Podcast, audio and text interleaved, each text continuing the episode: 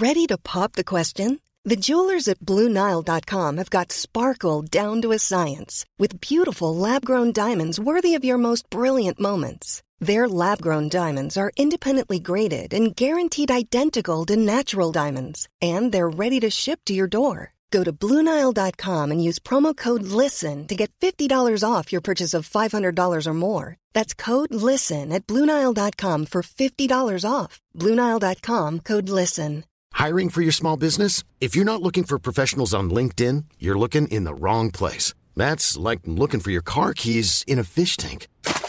LinkedIn helps you hire professionals you can't find anywhere else, even those who aren't actively searching for a new job but might be open to the perfect role. In a given month, over 70% of LinkedIn users don't even visit other leading job sites. So start looking in the right place. With LinkedIn, you can hire professionals like a professional. Post your free job on linkedin.com slash people today.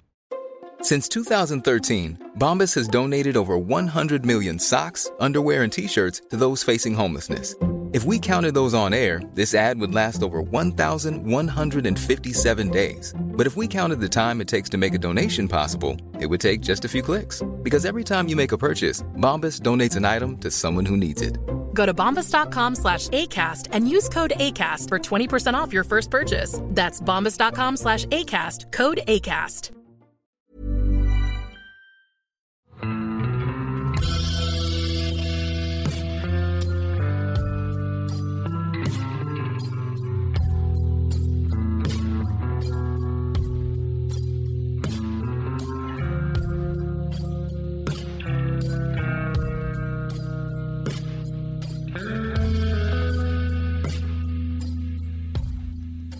Og velkommen til podkasten Uteliv. Mitt navn er Randulf Valle. Dagens episode blei tatt opp under Camp Villmark på Lillestrøm rett før påske. På lørdagen der fikk jeg med Marius Nergård Pettersen som medprogramleder i en maratonpodkast som til slutt varte i nesten fire og en halv time. Anledningen for det her var at vi nettopp hadde gitt ut boka 'Norges beste villmarksturer' sammen, og vi inviterte ei stjernerekke av gjester for å snakke om villmark, villmarksturer og villmarksopplevelser. Da vi til slutt la fra oss mikrofonene, hadde Jan Monsen, Mattis Tørud, Jens Kvernmo, Tor Gotaas, Stein P. Aasheim, Knut Breivik, Sigrid Sandberg og Erik Enich vært innom. Og I tillegg til de planlagte temaene, så hadde vi vært innom bl.a. badstuekultur, fallskjermhopping, cruiseturister, tilværelsen som fastboende på Svalbard og livet som turnémanager for 14 engelske anarkister. Her får du i dag høre hva vi snakka med Monsen og Mattis om. Resten av maratonpodkasten er forbeholdt det digitale turlaget på Patrion. Det er enkelt og raskt å bli medlem der, og få tilgang til hele episoden. Gå inn på patrion.com, eller last ned Patrion-appen. Søk opp podkasten Uteliv, velg medlemsnivå, og vips, så er du med og har tilgang til hele dagens episode. Og i tillegg så ligger 13 andre Patrion-episoder og venter på deg. Avhengig av valgt medlemsnivå kan du òg få tilgang til eksklusivt innhold på nettsida mi. Der har jeg annet lagt ut boka mi Friluftsliv i Finnmark, som er utsolgt på papir og neppe blir trykka i nytt opplag. Du finner òg grundige artikler om turutstyr, deriblant en stadig økende mengde med brennertester. I tillegg så får du som medlem i turlaget muligheten til å være med og påvirke valg av tema, gjester og spørsmål for podkasten. Du finner link til Patrion-sida i episodeinfoen. Der finner du også link til bestilling av boka 'Norges beste villmarksturer'. Men da har vi vel prata nok, så da setter vi over til Camp Villmark, så får dere høre starten på maratonpodkasten derifra. Der fant jeg igjen brillene mine òg. Da slapp jeg å improvisere hele den episoden her. Hjertelig velkommen til podkasten Uteliv live fra Camp Villmark. Veldig hyggelig at noen er på plass allerede. Det blir en rekordepisode av podkasten Uteliv. Estimert tid rundt fire og en halv time. Vi skal holde på fram mot klokka tre. Da går Lars Monsen på. Erfaringsmessig så er det ingen igjen her da. Så I dag så har jeg en co-programleder, Marius Nergård Pettersen. Hjertelig velkommen. Tusen takk. Ære å få lov til å være med. Ja, Jeg veit ikke om det er en ære, vi veit ikke hvordan dette her kommer til å gå ennå. Men uh, jeg har grudd meg ganske mye til å sitte her så lenge sammen med deg. ja det, Men, det kan eh, jeg forstå. Det er jo mye mer behagelig for meg. Men å skravle om villmark i noen timer, det klarer vi. Det Ja, klarer vi uansett. For denne episoden her eh, står jo da i den skamløse egenpromosjonens eh, tegn. Vi har eh, sammen eh, begått ei ny bok. 'Norges beste villmarksturer'. Er å få kjøpt her på standen. Går til og med an å få den eh, signert. Eh, og da tenkte vi å lage en maraton villmarkspodkast. Og med oss til å åpne ballet vi starter heftig med Monsen og Mattis. Hjertelig velkommen. Tusen takk. Kan jo presisere at det er Jan Monsen, da. Ellers er det jo veldig mange som forbinder Monsen-navnet med noe annet. Ja, Men eh, vi er veldig glad for å ha deg her. Jan. Takk. Bryr oss ingenting om hva de andre sier, vi, syns du er flink. vi. Ja, det syns jeg òg. Hvem trenger vel eh, selv, selvinnsikt når man har selvtillit? Nei, det, det er greit. Jepp. Men eh, når vi skulle lage den boka her, eh, Marius, den tilhører jo en serie med guidebøker som på en måte har en historie. Og så satte vi oss ned og prata, og så kom vi vel fram til at OK, å skrive en guidebok om villmarksturer, da må vi kanskje tenke litt annerledes. Ja, dette er jo en serie med bøker som har, tradisjonelt har hatt veldig sånne du, Hvordan du går fra A til B-turer. eh, turforslag. Du går til venstre der, du tar til høyre der, du går opp på den toppen, ned i den dalen. Og så får du se og oppleve akkurat det Så får du se og oppleve akkurat dette her. Eh, og det er jo fint for, eh, for veldig mange typer turer. Eh, jeg har sjøl skrevet en A-bok i samme serie som heter 'Norges beste hytte-til-hytteturer', som er ekst altså følger akkurat den oppskriften. Eh, men når vi skulle inn da i villmarksverden, så fant vi ut at vi trenger en helt annen approach. Vi trenger å ta for oss store områder. Eh, vi trenger å ta for oss om den derre eventyrlige oppdagelsen som ligger i det, i hvert fall som eh, Vi kan jo diskutere etter hvert hva vi forbinder med villmarksliv, men du og jeg kom fram til at for oss så er villmarksliv det å gå ut, kanskje delvis uten en plan, eh, og oppdage, oppleve, utforske. Og sånn har vi også prøvd å skrive denne boka her, med utgangspunkt at leseren sjøl skal oppdage og utforske det de, det de skal ut i. Hva du tenker om eh, det, Jan? Hva er på en måte en villmarksopplevelse for deg? En villmarksopplevelse er jo når man kommer eh, utenfor allfarvei. Du har følelsen at du er alene.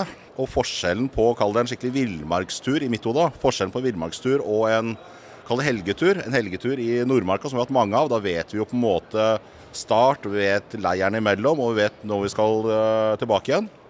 En villmarkstur så har du veldig ofte startpunkt og tid, og sluttpunkt og tid. Og alt imellom, det må bli tatt litt underveis. Og du kan jo ligge i teltet og se på kart, eller sitte ved bålet og se på kartet. Og så finner du ut at i, morgen skal jeg gå på høyre eller venstre side av det, det fjellet der, den kollen der. Og så blir veien til underveis mens man går. Og det er eh, Det gir en kjempegod følelse. Men det som er litt interessant der, er jo altså, Er det da et stedet viktig for deg? Altså, om, har området noen spesielle kvaliteter, eller kan det også være mange forskjellige typer områder som kan innebære akkurat den type måten å gå på tur på? Altså, det kan jo være alle mulige forskjellige slags områder. Men det er klart at hvis man er, har med seg kano, så gir jo eh, noe av terrenget man beveger seg i seg sjøl. Da bør du holde deg til vannet. Men uh, Matti sa det jo veldig treffende her en gang når vi skulle møtes i Østmarka. Han kom etterpå med sin kjære kone Anne Beth. Så sier han til henne nå har Jan garantert funnet seg en sånn der fjellhylle et eller annet sted, så vi har langt ned til vannet. Og så kommer de fram en halvtime seinere, og da var jeg oppå en fjellhylle. Jeg liker meg godt i høyden. Det, det er rutene jeg pleier å velge. Men du da, Mattis, hva er en villmarkstur for deg? Eh, Jeg henger meg kanskje litt mer opp i denne herre Dere definerer det jo på side én i boka, hva som, hva som per definisjon er villmark. Ehm, Så hvis en ser bort ifra den definisjonen, så har vi jo helt utrolig mye fin eh, natur i Norge. Som kanskje per definisjon ikke er villmark, men hvor du får villmarksfølelsen. Senest i går på denne tida her, Jan og jeg på hjemmekontor rett, eh, hvor vi bor jo rett ved hverandre. Nei, skal vi ta en kaffe i skogen i dag? Ja. Feis vi av gårde. Gikk inn fem minutter fra der jeg bor, så finner vi disse her små lommene hvor du er dønn alene. Fullstendig alene. Så hører du noe trafikkstøy i bakgrunnen. Og, men liksom, du kan ha disse villmarksopplevelsene altså, Gå inn i Østmarka rett bak oss, da, ikke sant? litt sørøstover der, inn i naturreservatet. Det, det, er, det er fullstendig urørt. Selv om det er omgitt av storby og sivilisasjon. da. Det der er jo veldig fascinerende. Altså For å ta den definisjonen, da. For definisjon, nærmeste vi har en definisjon på villmark, det er jo det som Direktoratet for naturforvaltning kaller villmarkspregede områder. Ja. Og liksom eh, diamanten der er jo områder som er 15 km fra tekniske inngrep. Ja. Eh, som det fins relativt lite av i Norge. Spesielt i Sør-Norge skal vi veldig langt inn på Hardangervidda sånn for å finne, finne det. Eh, men så er det jo veldig sånn, akkurat det du sier der. Du har de der oasene med områder hvor du kan eh, fortsatt finne den Jeg tror det, det som betyr betyr mest for meg, er, er at det er eh, minimalt med skal vi si, ting eller faktorer som minner deg på at det finnes andre mennesker på kloden. Altså menneskelig inngrep. Og det er jo veier, det er mobilmaster, det er vindmøller, det er eh, bjellesau. Altså ting som på en måte minner deg på at, at det er vi som styrer og setter preget på naturen. Ja, det er jo sånn som ikke sant, Pasvik er jo et område som vi har med i boka. og Det er jo veldig lite definisjonsmessig villmark i Pasvik. For det er jo en smal tarm med land, og grensa til Finland er jo definert som et inngrep. Eh, men for min del, ikke sant, den gangen jeg så bjørn i Pasvik, så var jo det Den gikk jo over en skogsvei. Men jeg hadde jo villmarksfølelsen. altså Sjøl om jeg sto og pakka tilhengeren på bilen, og en som eh, vinker meg til meg, så se der, se der, se der. Så kommer det en Det er jo en ungbjørn som står på veien 70 meter unna oss. Og da, eh, da, da kjenner du jo liksom at eh, det her har en sånn villmarkskvalitet ved seg. Men men tilbake til Jan. Du snakka på at du har et startpunkt og et endepunkt for turen. Jeg husker jeg har jo lest noen av bøkene til storebroren din. Eh, og jeg husker Noe av det jeg beit meg veldig merke i, var han som han eh, konsekvent omtaler som gammelen. Som Eh, Som din bror omtaler som gammelen. Okay. Egil. Ja, Egil, ja. ja gammelen, ja. ja. Men nå er det vel kanskje Lars som er gammelen? Ja, uten tvil. Ja. Det, altså, det er ikke noe å lure på. Men han er som en sånn, hva skal jeg si, litt i årskommen godstog. Bare går og går og går. Det er jo ikke stopp på den. gammel dieselmotor. Har brukt, brukt litt tid på å komme i gang, men, eh, men har et veldig bra sig. Men det jeg et meg merke med, med Egil, da når han skulle inn i Børgefjell, så hadde han med seg ryggsekken og to bæreposer. Ja. Og så når de, noen lurte på hvor lenge han skulle være, så var det til det var tomt for mat. ja. Er ikke det en herlig måte å gjøre det på? Å, fantastisk. Uh, og da, da får jo eh, da får jo òg det med fiske en helt annen betydning. Ja. Og det gir også villmarksfølelsen. fordi altså Hvis man tar en helgetur, så vil jeg ikke påstå at jeg får villmarksfølelsen i den grad. Det tar litt tid før man kommer inn i den bobla. Og etter tre-fire dager så er man litt inne i bobla. Da begynner rutinene å sitte. Du veit hva du har i hvilke pakkposer. Det ser ikke ut som en slagmark rundt deg hver gang du skal ha noe. Og du er aleine. Du har, ikke snakka med andre, du har ikke sett andre installasjoner. Det er, det er da villmarksfølelsen kommer for min del. Trenger noen dager. Ja. Er det en form for ro? Som Dop? Du, som en ro som du på en måte ro? opparbeider deg, som du trenger først? Ja, det blir egentlig det. Å ta litt tid før den kommer. Og så setter den eh, skikkelig inn etter 10-11 dager. Jeg, jeg, Da, jo at, der er en grense. jeg opplever jo at den roen altså, jo, jo mer vi har vært på tur altså Vi har vært på tur mange ganger, og jeg trenger færre og færre dager på å komme inn i den bobla. Ok. Den kan komme veldig fort. Og gjør det det, altså? Ja. Ja. for at jeg merker litt at jo mer jeg har vært lenge på tur, jo mer kresen blir jeg på varighet. Altså at liksom Nei, sjukestur, det, det er litt kort, altså. Det er når du Altså den følelsen når du begynner på uke nummer tre, og du fortsatt er lenge igjen av turen, det er noe som jeg sliter med å finne på, eh, på de turene som det er plass til i livet mitt nå. Men jeg tenker det handler litt om hvor du setter komma på en måte i regnestykket, og hvilke rammer du har. da. Og nå er jo eh, rammene mine gjerne at jeg får til en ukestur. Skal gå ei uke i Børgefjell i, i sommer med, med fruen og, og hun. Vi gjorde det samme i fjor. Inn i bobla etter én til to dager. Åh, så bra. Bruker du lang tid på å komme ut av bobla? Hva, eh, hva sa På du? å komme ut av bobla? Hvor, lang tid bruker du på det? Eh, Nei, på, på, en, på en ukestur så er du ute av bobla egentlig når du, når du setter deg i bilen Uh, med en gang. Mens på disse langturene vi har vært på, eller de er ikke så lange da, men månedsturer, da, da tar det lang tid. Og det er, det er nesten litt utfordrende. For du, selv om du kanskje har et par dager i en eller annen storby på andre siden av dammen og lander litt der, så kommer du hjem, og, så, du, og du har ikke landa. Du er ikke klar for å sette deg i bilen og begynne å kjøre til og fra treninger og snakke med naboer. og Du er litt eh, grumpy, rett og slett. Det Mattis ikke har skjønt her, hvorfor det tar lang tid, også det henger jo igjen fra 2010-turen. Når vi kom tilbake da, så gjemte Lars og jeg turstøvla våre under senga hans. Og det er klart, den dopen der, den sitter i huet et par uker etterpå. For det lukta ikke godt inn på det rommet hans. De hadde vært søkkblaute fra start til mål i 30 dager. Hva er vel livet uten gode venner? Ja, ikke sant?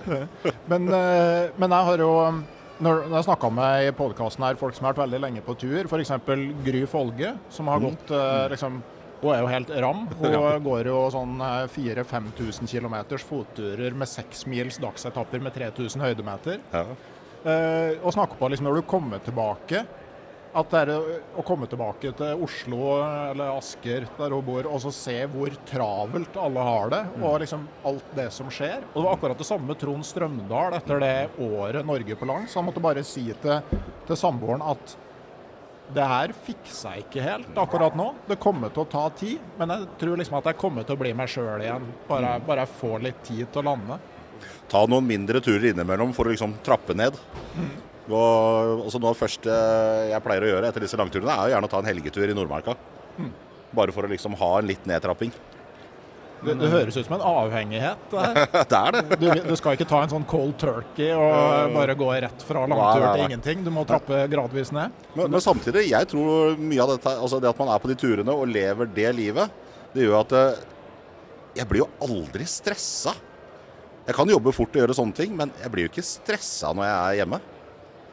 Hender det av og til at Jan ikke er stressa når han burde være stressa? Ja, eh, ofte. Han eh, Det er ikke Ja, det er, det er en issue. Det er en diagnose, muligens. Eh, Det, det, Bengt Rotmo, min gamle turkompis, han har jeg sett stressa én gang i hele Altså, Vi har vært mye på tur og gjort veldig mye sammen, og, det er veldig mange ganger han burde vært stressa. Vi drev et blad sammen bl.a., og deadliner var ikke noe som stressa Bengt i det hele tatt. Ikke engang når de var en uke på overtid. Men uh, da vi gikk på ski gjennom Nordøstpassasjen, så hadde vi ganske dårlig tid på den siste etappa.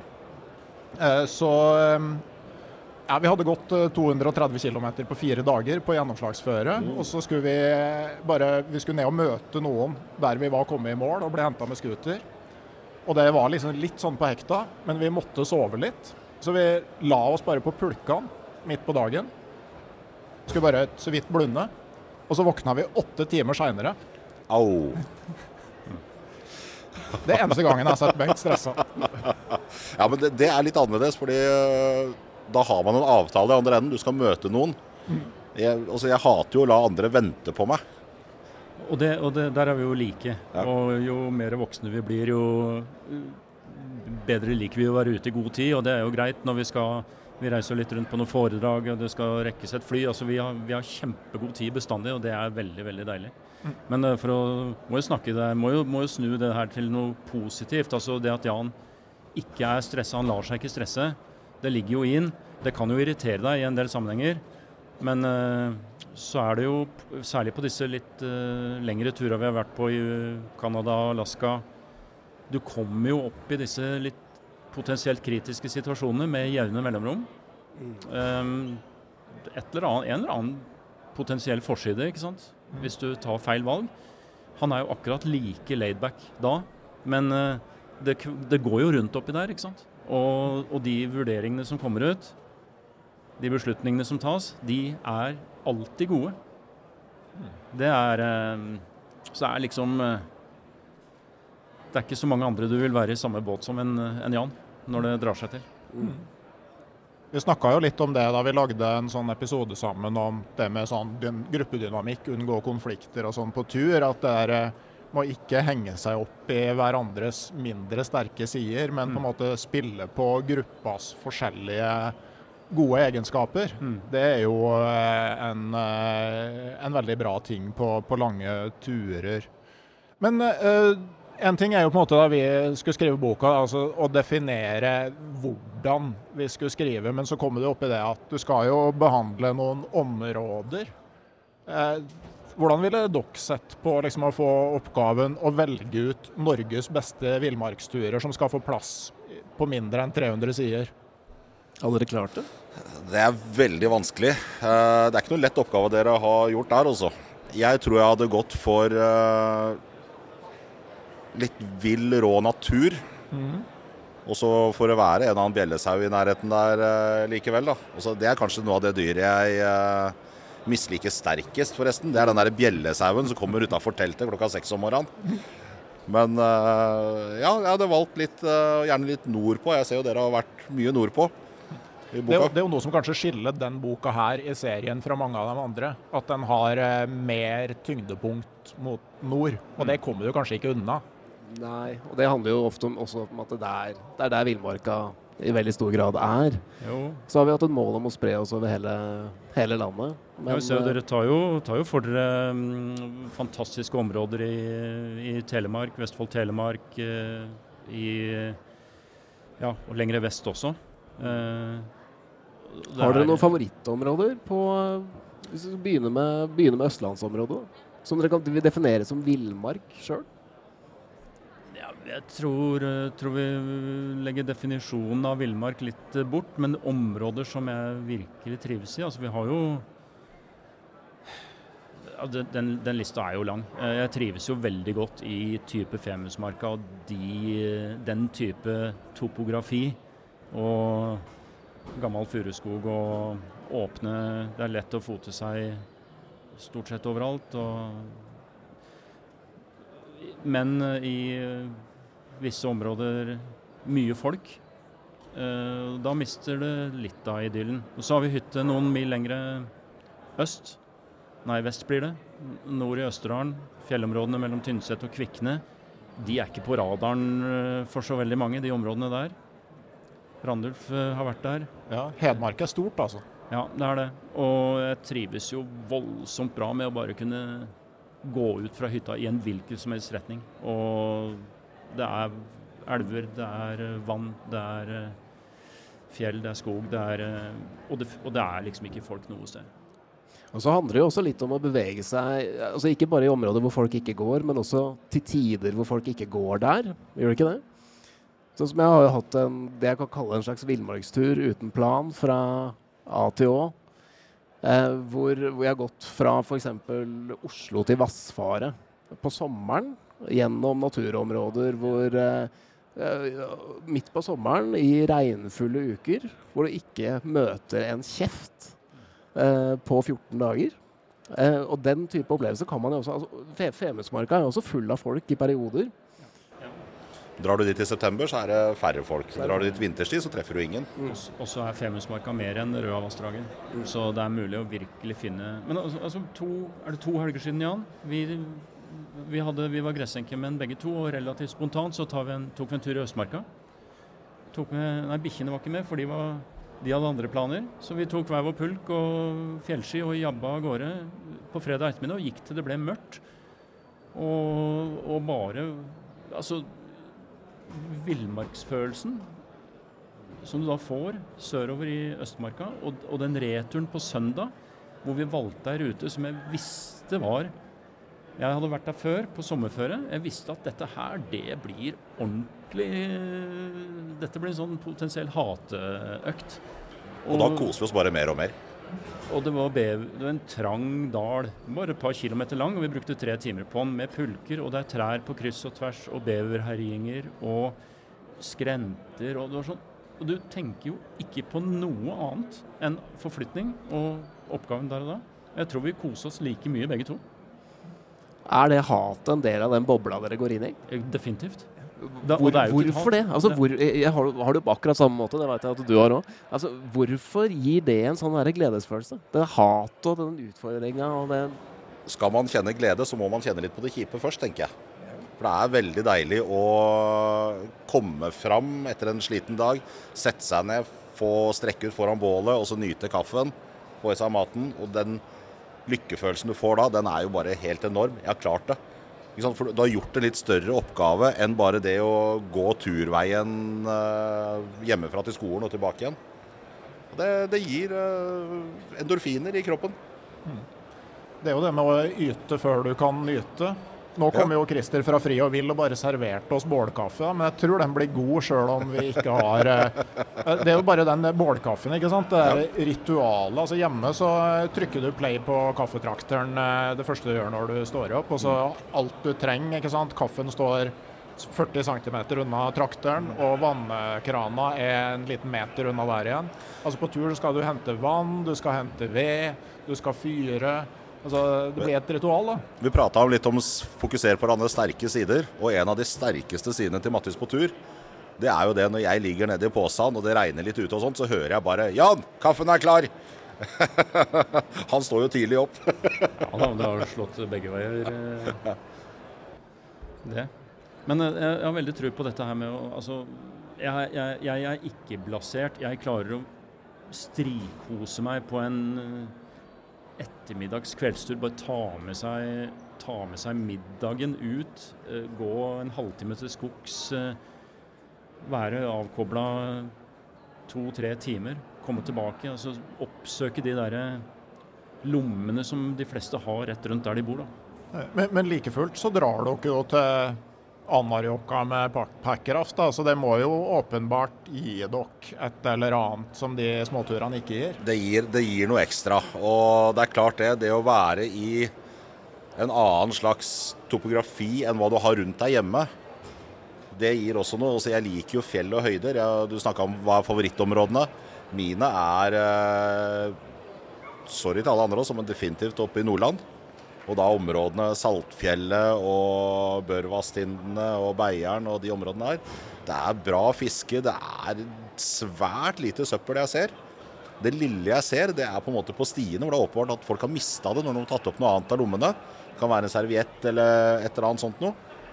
Kommer jeg andre steder, eh, gjerne Finnmark, så går jeg på gamle oljefat og bensinkanner og glass og sånne ting. Og det, det forringer naturopplevelsen min litt, da. Søppel, det provoserer meg. Ja, ja. Og det, det er jo noe med det at eh, når du har båret fulle flasker inn, så burde det være mulig å bære tomgodset ut igjen. da. Ja, absolutt. Ja, eller De fleste har vel kanskje ikke båret inn heller. Det har kommet via en eller annen firehjuling eller eh, snøscooter. Det kan det ofte ha gjort, ja. Men eh, Børgefjell, Jan? Veldig fint. Veldig mye bra natur der. Jeg har vært der flere ganger. Godt fiske. Usikkert fiske? Ja, Det er det òg. Da må man stole på flaksen. Det går som regel bra. Eh, Men, men jeg syns faktisk, eh, etter at det er, det er en jeg kjenner som har skrevet litt om Børgefjell og skrytt litt av det, så det har blitt veldig mye folk der til tider nå, altså. Så da trekker jeg litt lenger nordover. Men det, Men, igjen, eh, vi så kommer jo det veldig an på hvor i Børgefjell du går. Vi gikk ei uke i primetime eh, sommerferien i fjor eh, uten å møte noen før eh, vi ble før eh, nede ved Namsvatnet hvor vi skulle plukkes opp med båten ved Årvasselva. Der møtte vi de første. Det var da dere fulgte det gode fisket. det. Hvor mye fisk fikk du? gikk bare på godvann eh, i de sørlige delene av Børgefjell. Og fikk til slutt skrapt sammen fire ørreter som til sammen veide under 100 gram. Sånn, er, sånn kan det også være. Ja, og, og det er jo, ikke sant, eh, Jeg hadde besøk av Dag Kjelsås her i går for å snakke om ørretfiske. Og det er jo da sånn at vanna som har den fineste ørreten, feit, flott ørret med godt næringsgrunnlag i vannet, der har du også det vanskeligste fisket. Ser jeg Jens. Ser jeg Jens uh, her borte. Ja, så bra. Ja da. Så, men uh, vi, Ja, du nevnte Andarjokka og altså jeg, jeg tror dere kanskje er inne på det i boka. Eh, Jeg har ikke rukket å lese det, men eh, dette er med hvor i Norge er du lengst fra Kall det menneskelige installasjoner. Vei, sånne ting. Og jeg tror, i hvert fall jeg, jeg kikka på kartet, og der jeg gikk av det sjøflyet i 2016 på Bolsjajavri rett sør for, eh, altså langt opp i Karasjokavassdraget, Der er det ca. fire mil til nærmeste vei. Jeg har ikke klart å finne noe, noe særlig andre steder i Norge som er lengre fra vei enn det. Nei. Det måtte eventuelt være kanskje lengre opp i øvre, eller i øvre Anárjohka. Ja, det, det som er litt sånn spennende eller sånn, med, med den der beregninga hvor langt det er unna menneskelig inngrep, det er at kirka på Beivaskeddi, samløpet mellom Bautajoka og Karasjoka, den er definert som altså Hyttene er ikke definert som det, men det er plassert ei kirke der. Og Så kan man jo lure på hvorfor i all verden bygger du et stort kapell, lita kirke, midt inne i villmarka? Og det er jo eh, geopolitikk for å vise Finland at uh, her, her, holder vi hus. da. Akkurat det samme i Neiden. ikke sant? Så er det jo en gigantisk katedral. Også det lille skoltesamiske kapellet. Og Man har ikke bruk for ei så stor kirke, men det er jo for å liksom, si at uh, det her er norsk og ikke russisk. Ja. Gjøre hevd på landet, ja. ja. ja. Så, men derfor så er jo da villmarksområdet i Anarjoka mindre, pga. den kirka. Men du får villmarksfølelsen, og er, vi, vi, har så mye utrolig natur. Og dere har jo vært mye mer rundt enn oss. Altså Skjækerfjella, Lierne, det er jo bare en sylende Altså det er grå områder på kartet for oss. Vi har ikke, vi har ikke krafsa i overflaten engang på naturen som vi har i Norge. Men man blir jo aldri ferdig. Altså, jeg blir jo aldri ferdig med Oslomarka engang, liksom. Det er jo, det er jo bare å innse. Men jeg tenkte på det du sa om at uh, trafikken har gått opp i Børgefjell. Har det vært noen sånn diskusjon innad i familien rundt uh, Og det, det, er interessant mellom oss også. Altså, det, det, å formidle natur, formidle sånne naturområder, er det Vi har snakka om det, og vi er jo egentlig veldig for å gjøre det. Men han har fått fingeren på et område fra min del at det får du søren ikke lov til å skrive om engang. Dette altså. forteller du ikke om? Ja, nei. Ja, ja. Det, som er i Norge? Som er i Norge. Ja. Og det, Sånn er det. Men det er så mange andre steder å promotere, så det, det går helt fint. Ja, og så skal vi jo til Lars sitt forsvar si at han skrev Børgefjell-boka. Altså, Han kunne jo ikke forestille seg hvor fullstendig ko-ko alt skulle bli 10-15 år seinere. Det var helt vilt. Altså, vi var jo der eh, noen år etter at den boka kom ut. Og ligger inne i Ranseldalen, i hytta der.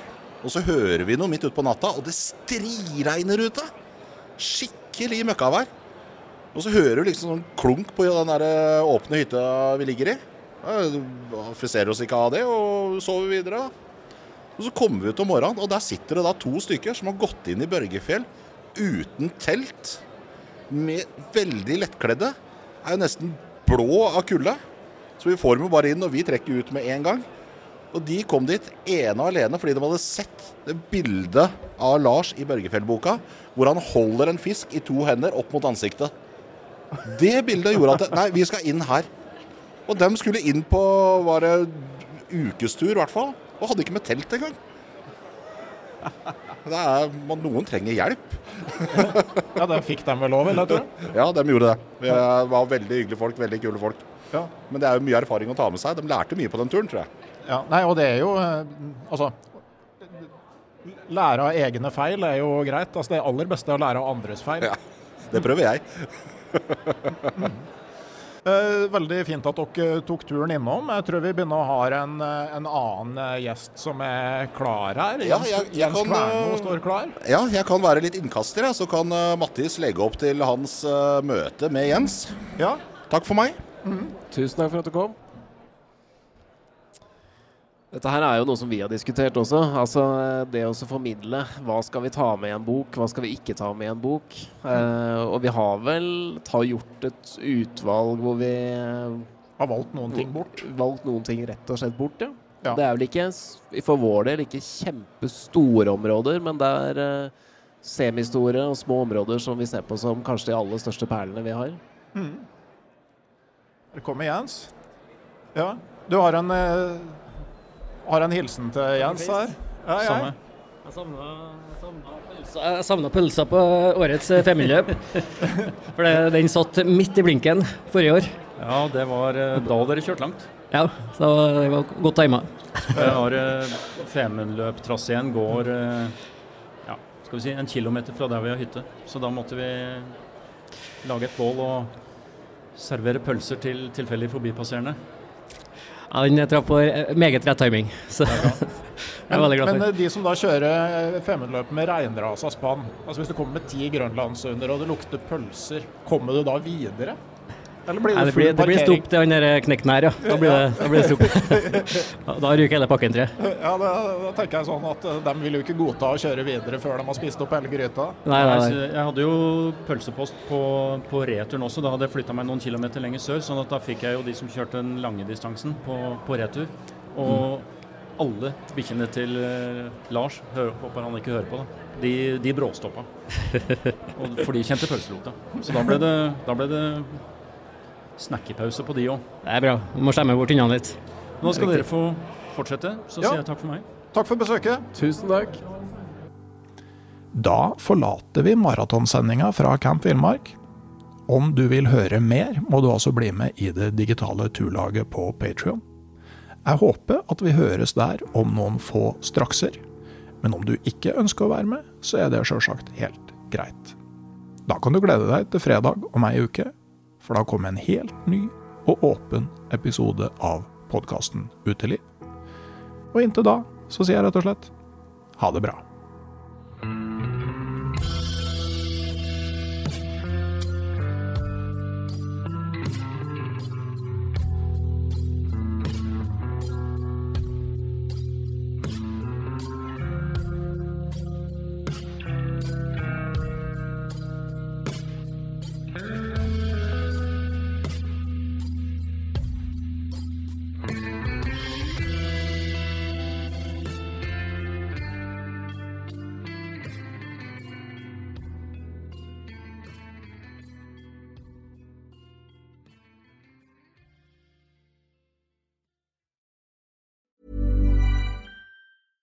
Mom deserves the best, and there's no better place to shop for Mother's Day than Whole Foods Market. They're your destination for unbeatable savings, from premium gifts to show-stopping flowers and irresistible desserts. Start by saving 33% with Prime on all body care and candles. Then get a 15-stem bunch of tulips for just $9.99 each with Prime. Round out Mom's menu with festive rosé, irresistible berry chantilly cake, and more special treats. Come celebrate Mother's Day at Whole Foods Market. This Mother's Day, treat mom to healthy, glowing skin with Osea's limited edition skincare sets. Osea has been making clean, seaweed infused products for nearly 30 years. Their advanced eye care duo brightens and firms skin around your eyes, while the Golden Glow Body Trio nourishes and smooths skin all over. Go to OSEAMalibu.com and use code MOM for 10% off your first order site wide. Hei, jeg heter Nore Helligsen og er daglig leder i Barents Outdoor. Det beste vi kan gjøre for planeten, er å redusere forbruket vårt og få mer ut av det utstyret vi allerede har. Men vi vet av erfaring at bruken av telt kan endre seg over tid. Det teltet du kjøpte for to år siden, passer kanskje ikke det behovet du har i dag. Derfor har vi i Barents etablert en egen panteordning der vi tar imot brukte telt av god kvalitet i innbytte når du kjøper et nytt av oss. Prosessen er enkel. På barentsoutdoor.no gir det oss informasjon om teltet du vil bytte inn. Basert på det får du et tilbud fra oss som gir deg rabatt på ditt neste Barentsprodukt. Mer info og betingelser finner du på barentsoutdoor.no. Og husk at den første reparasjonen på produkter fra Barents er alltid gratis.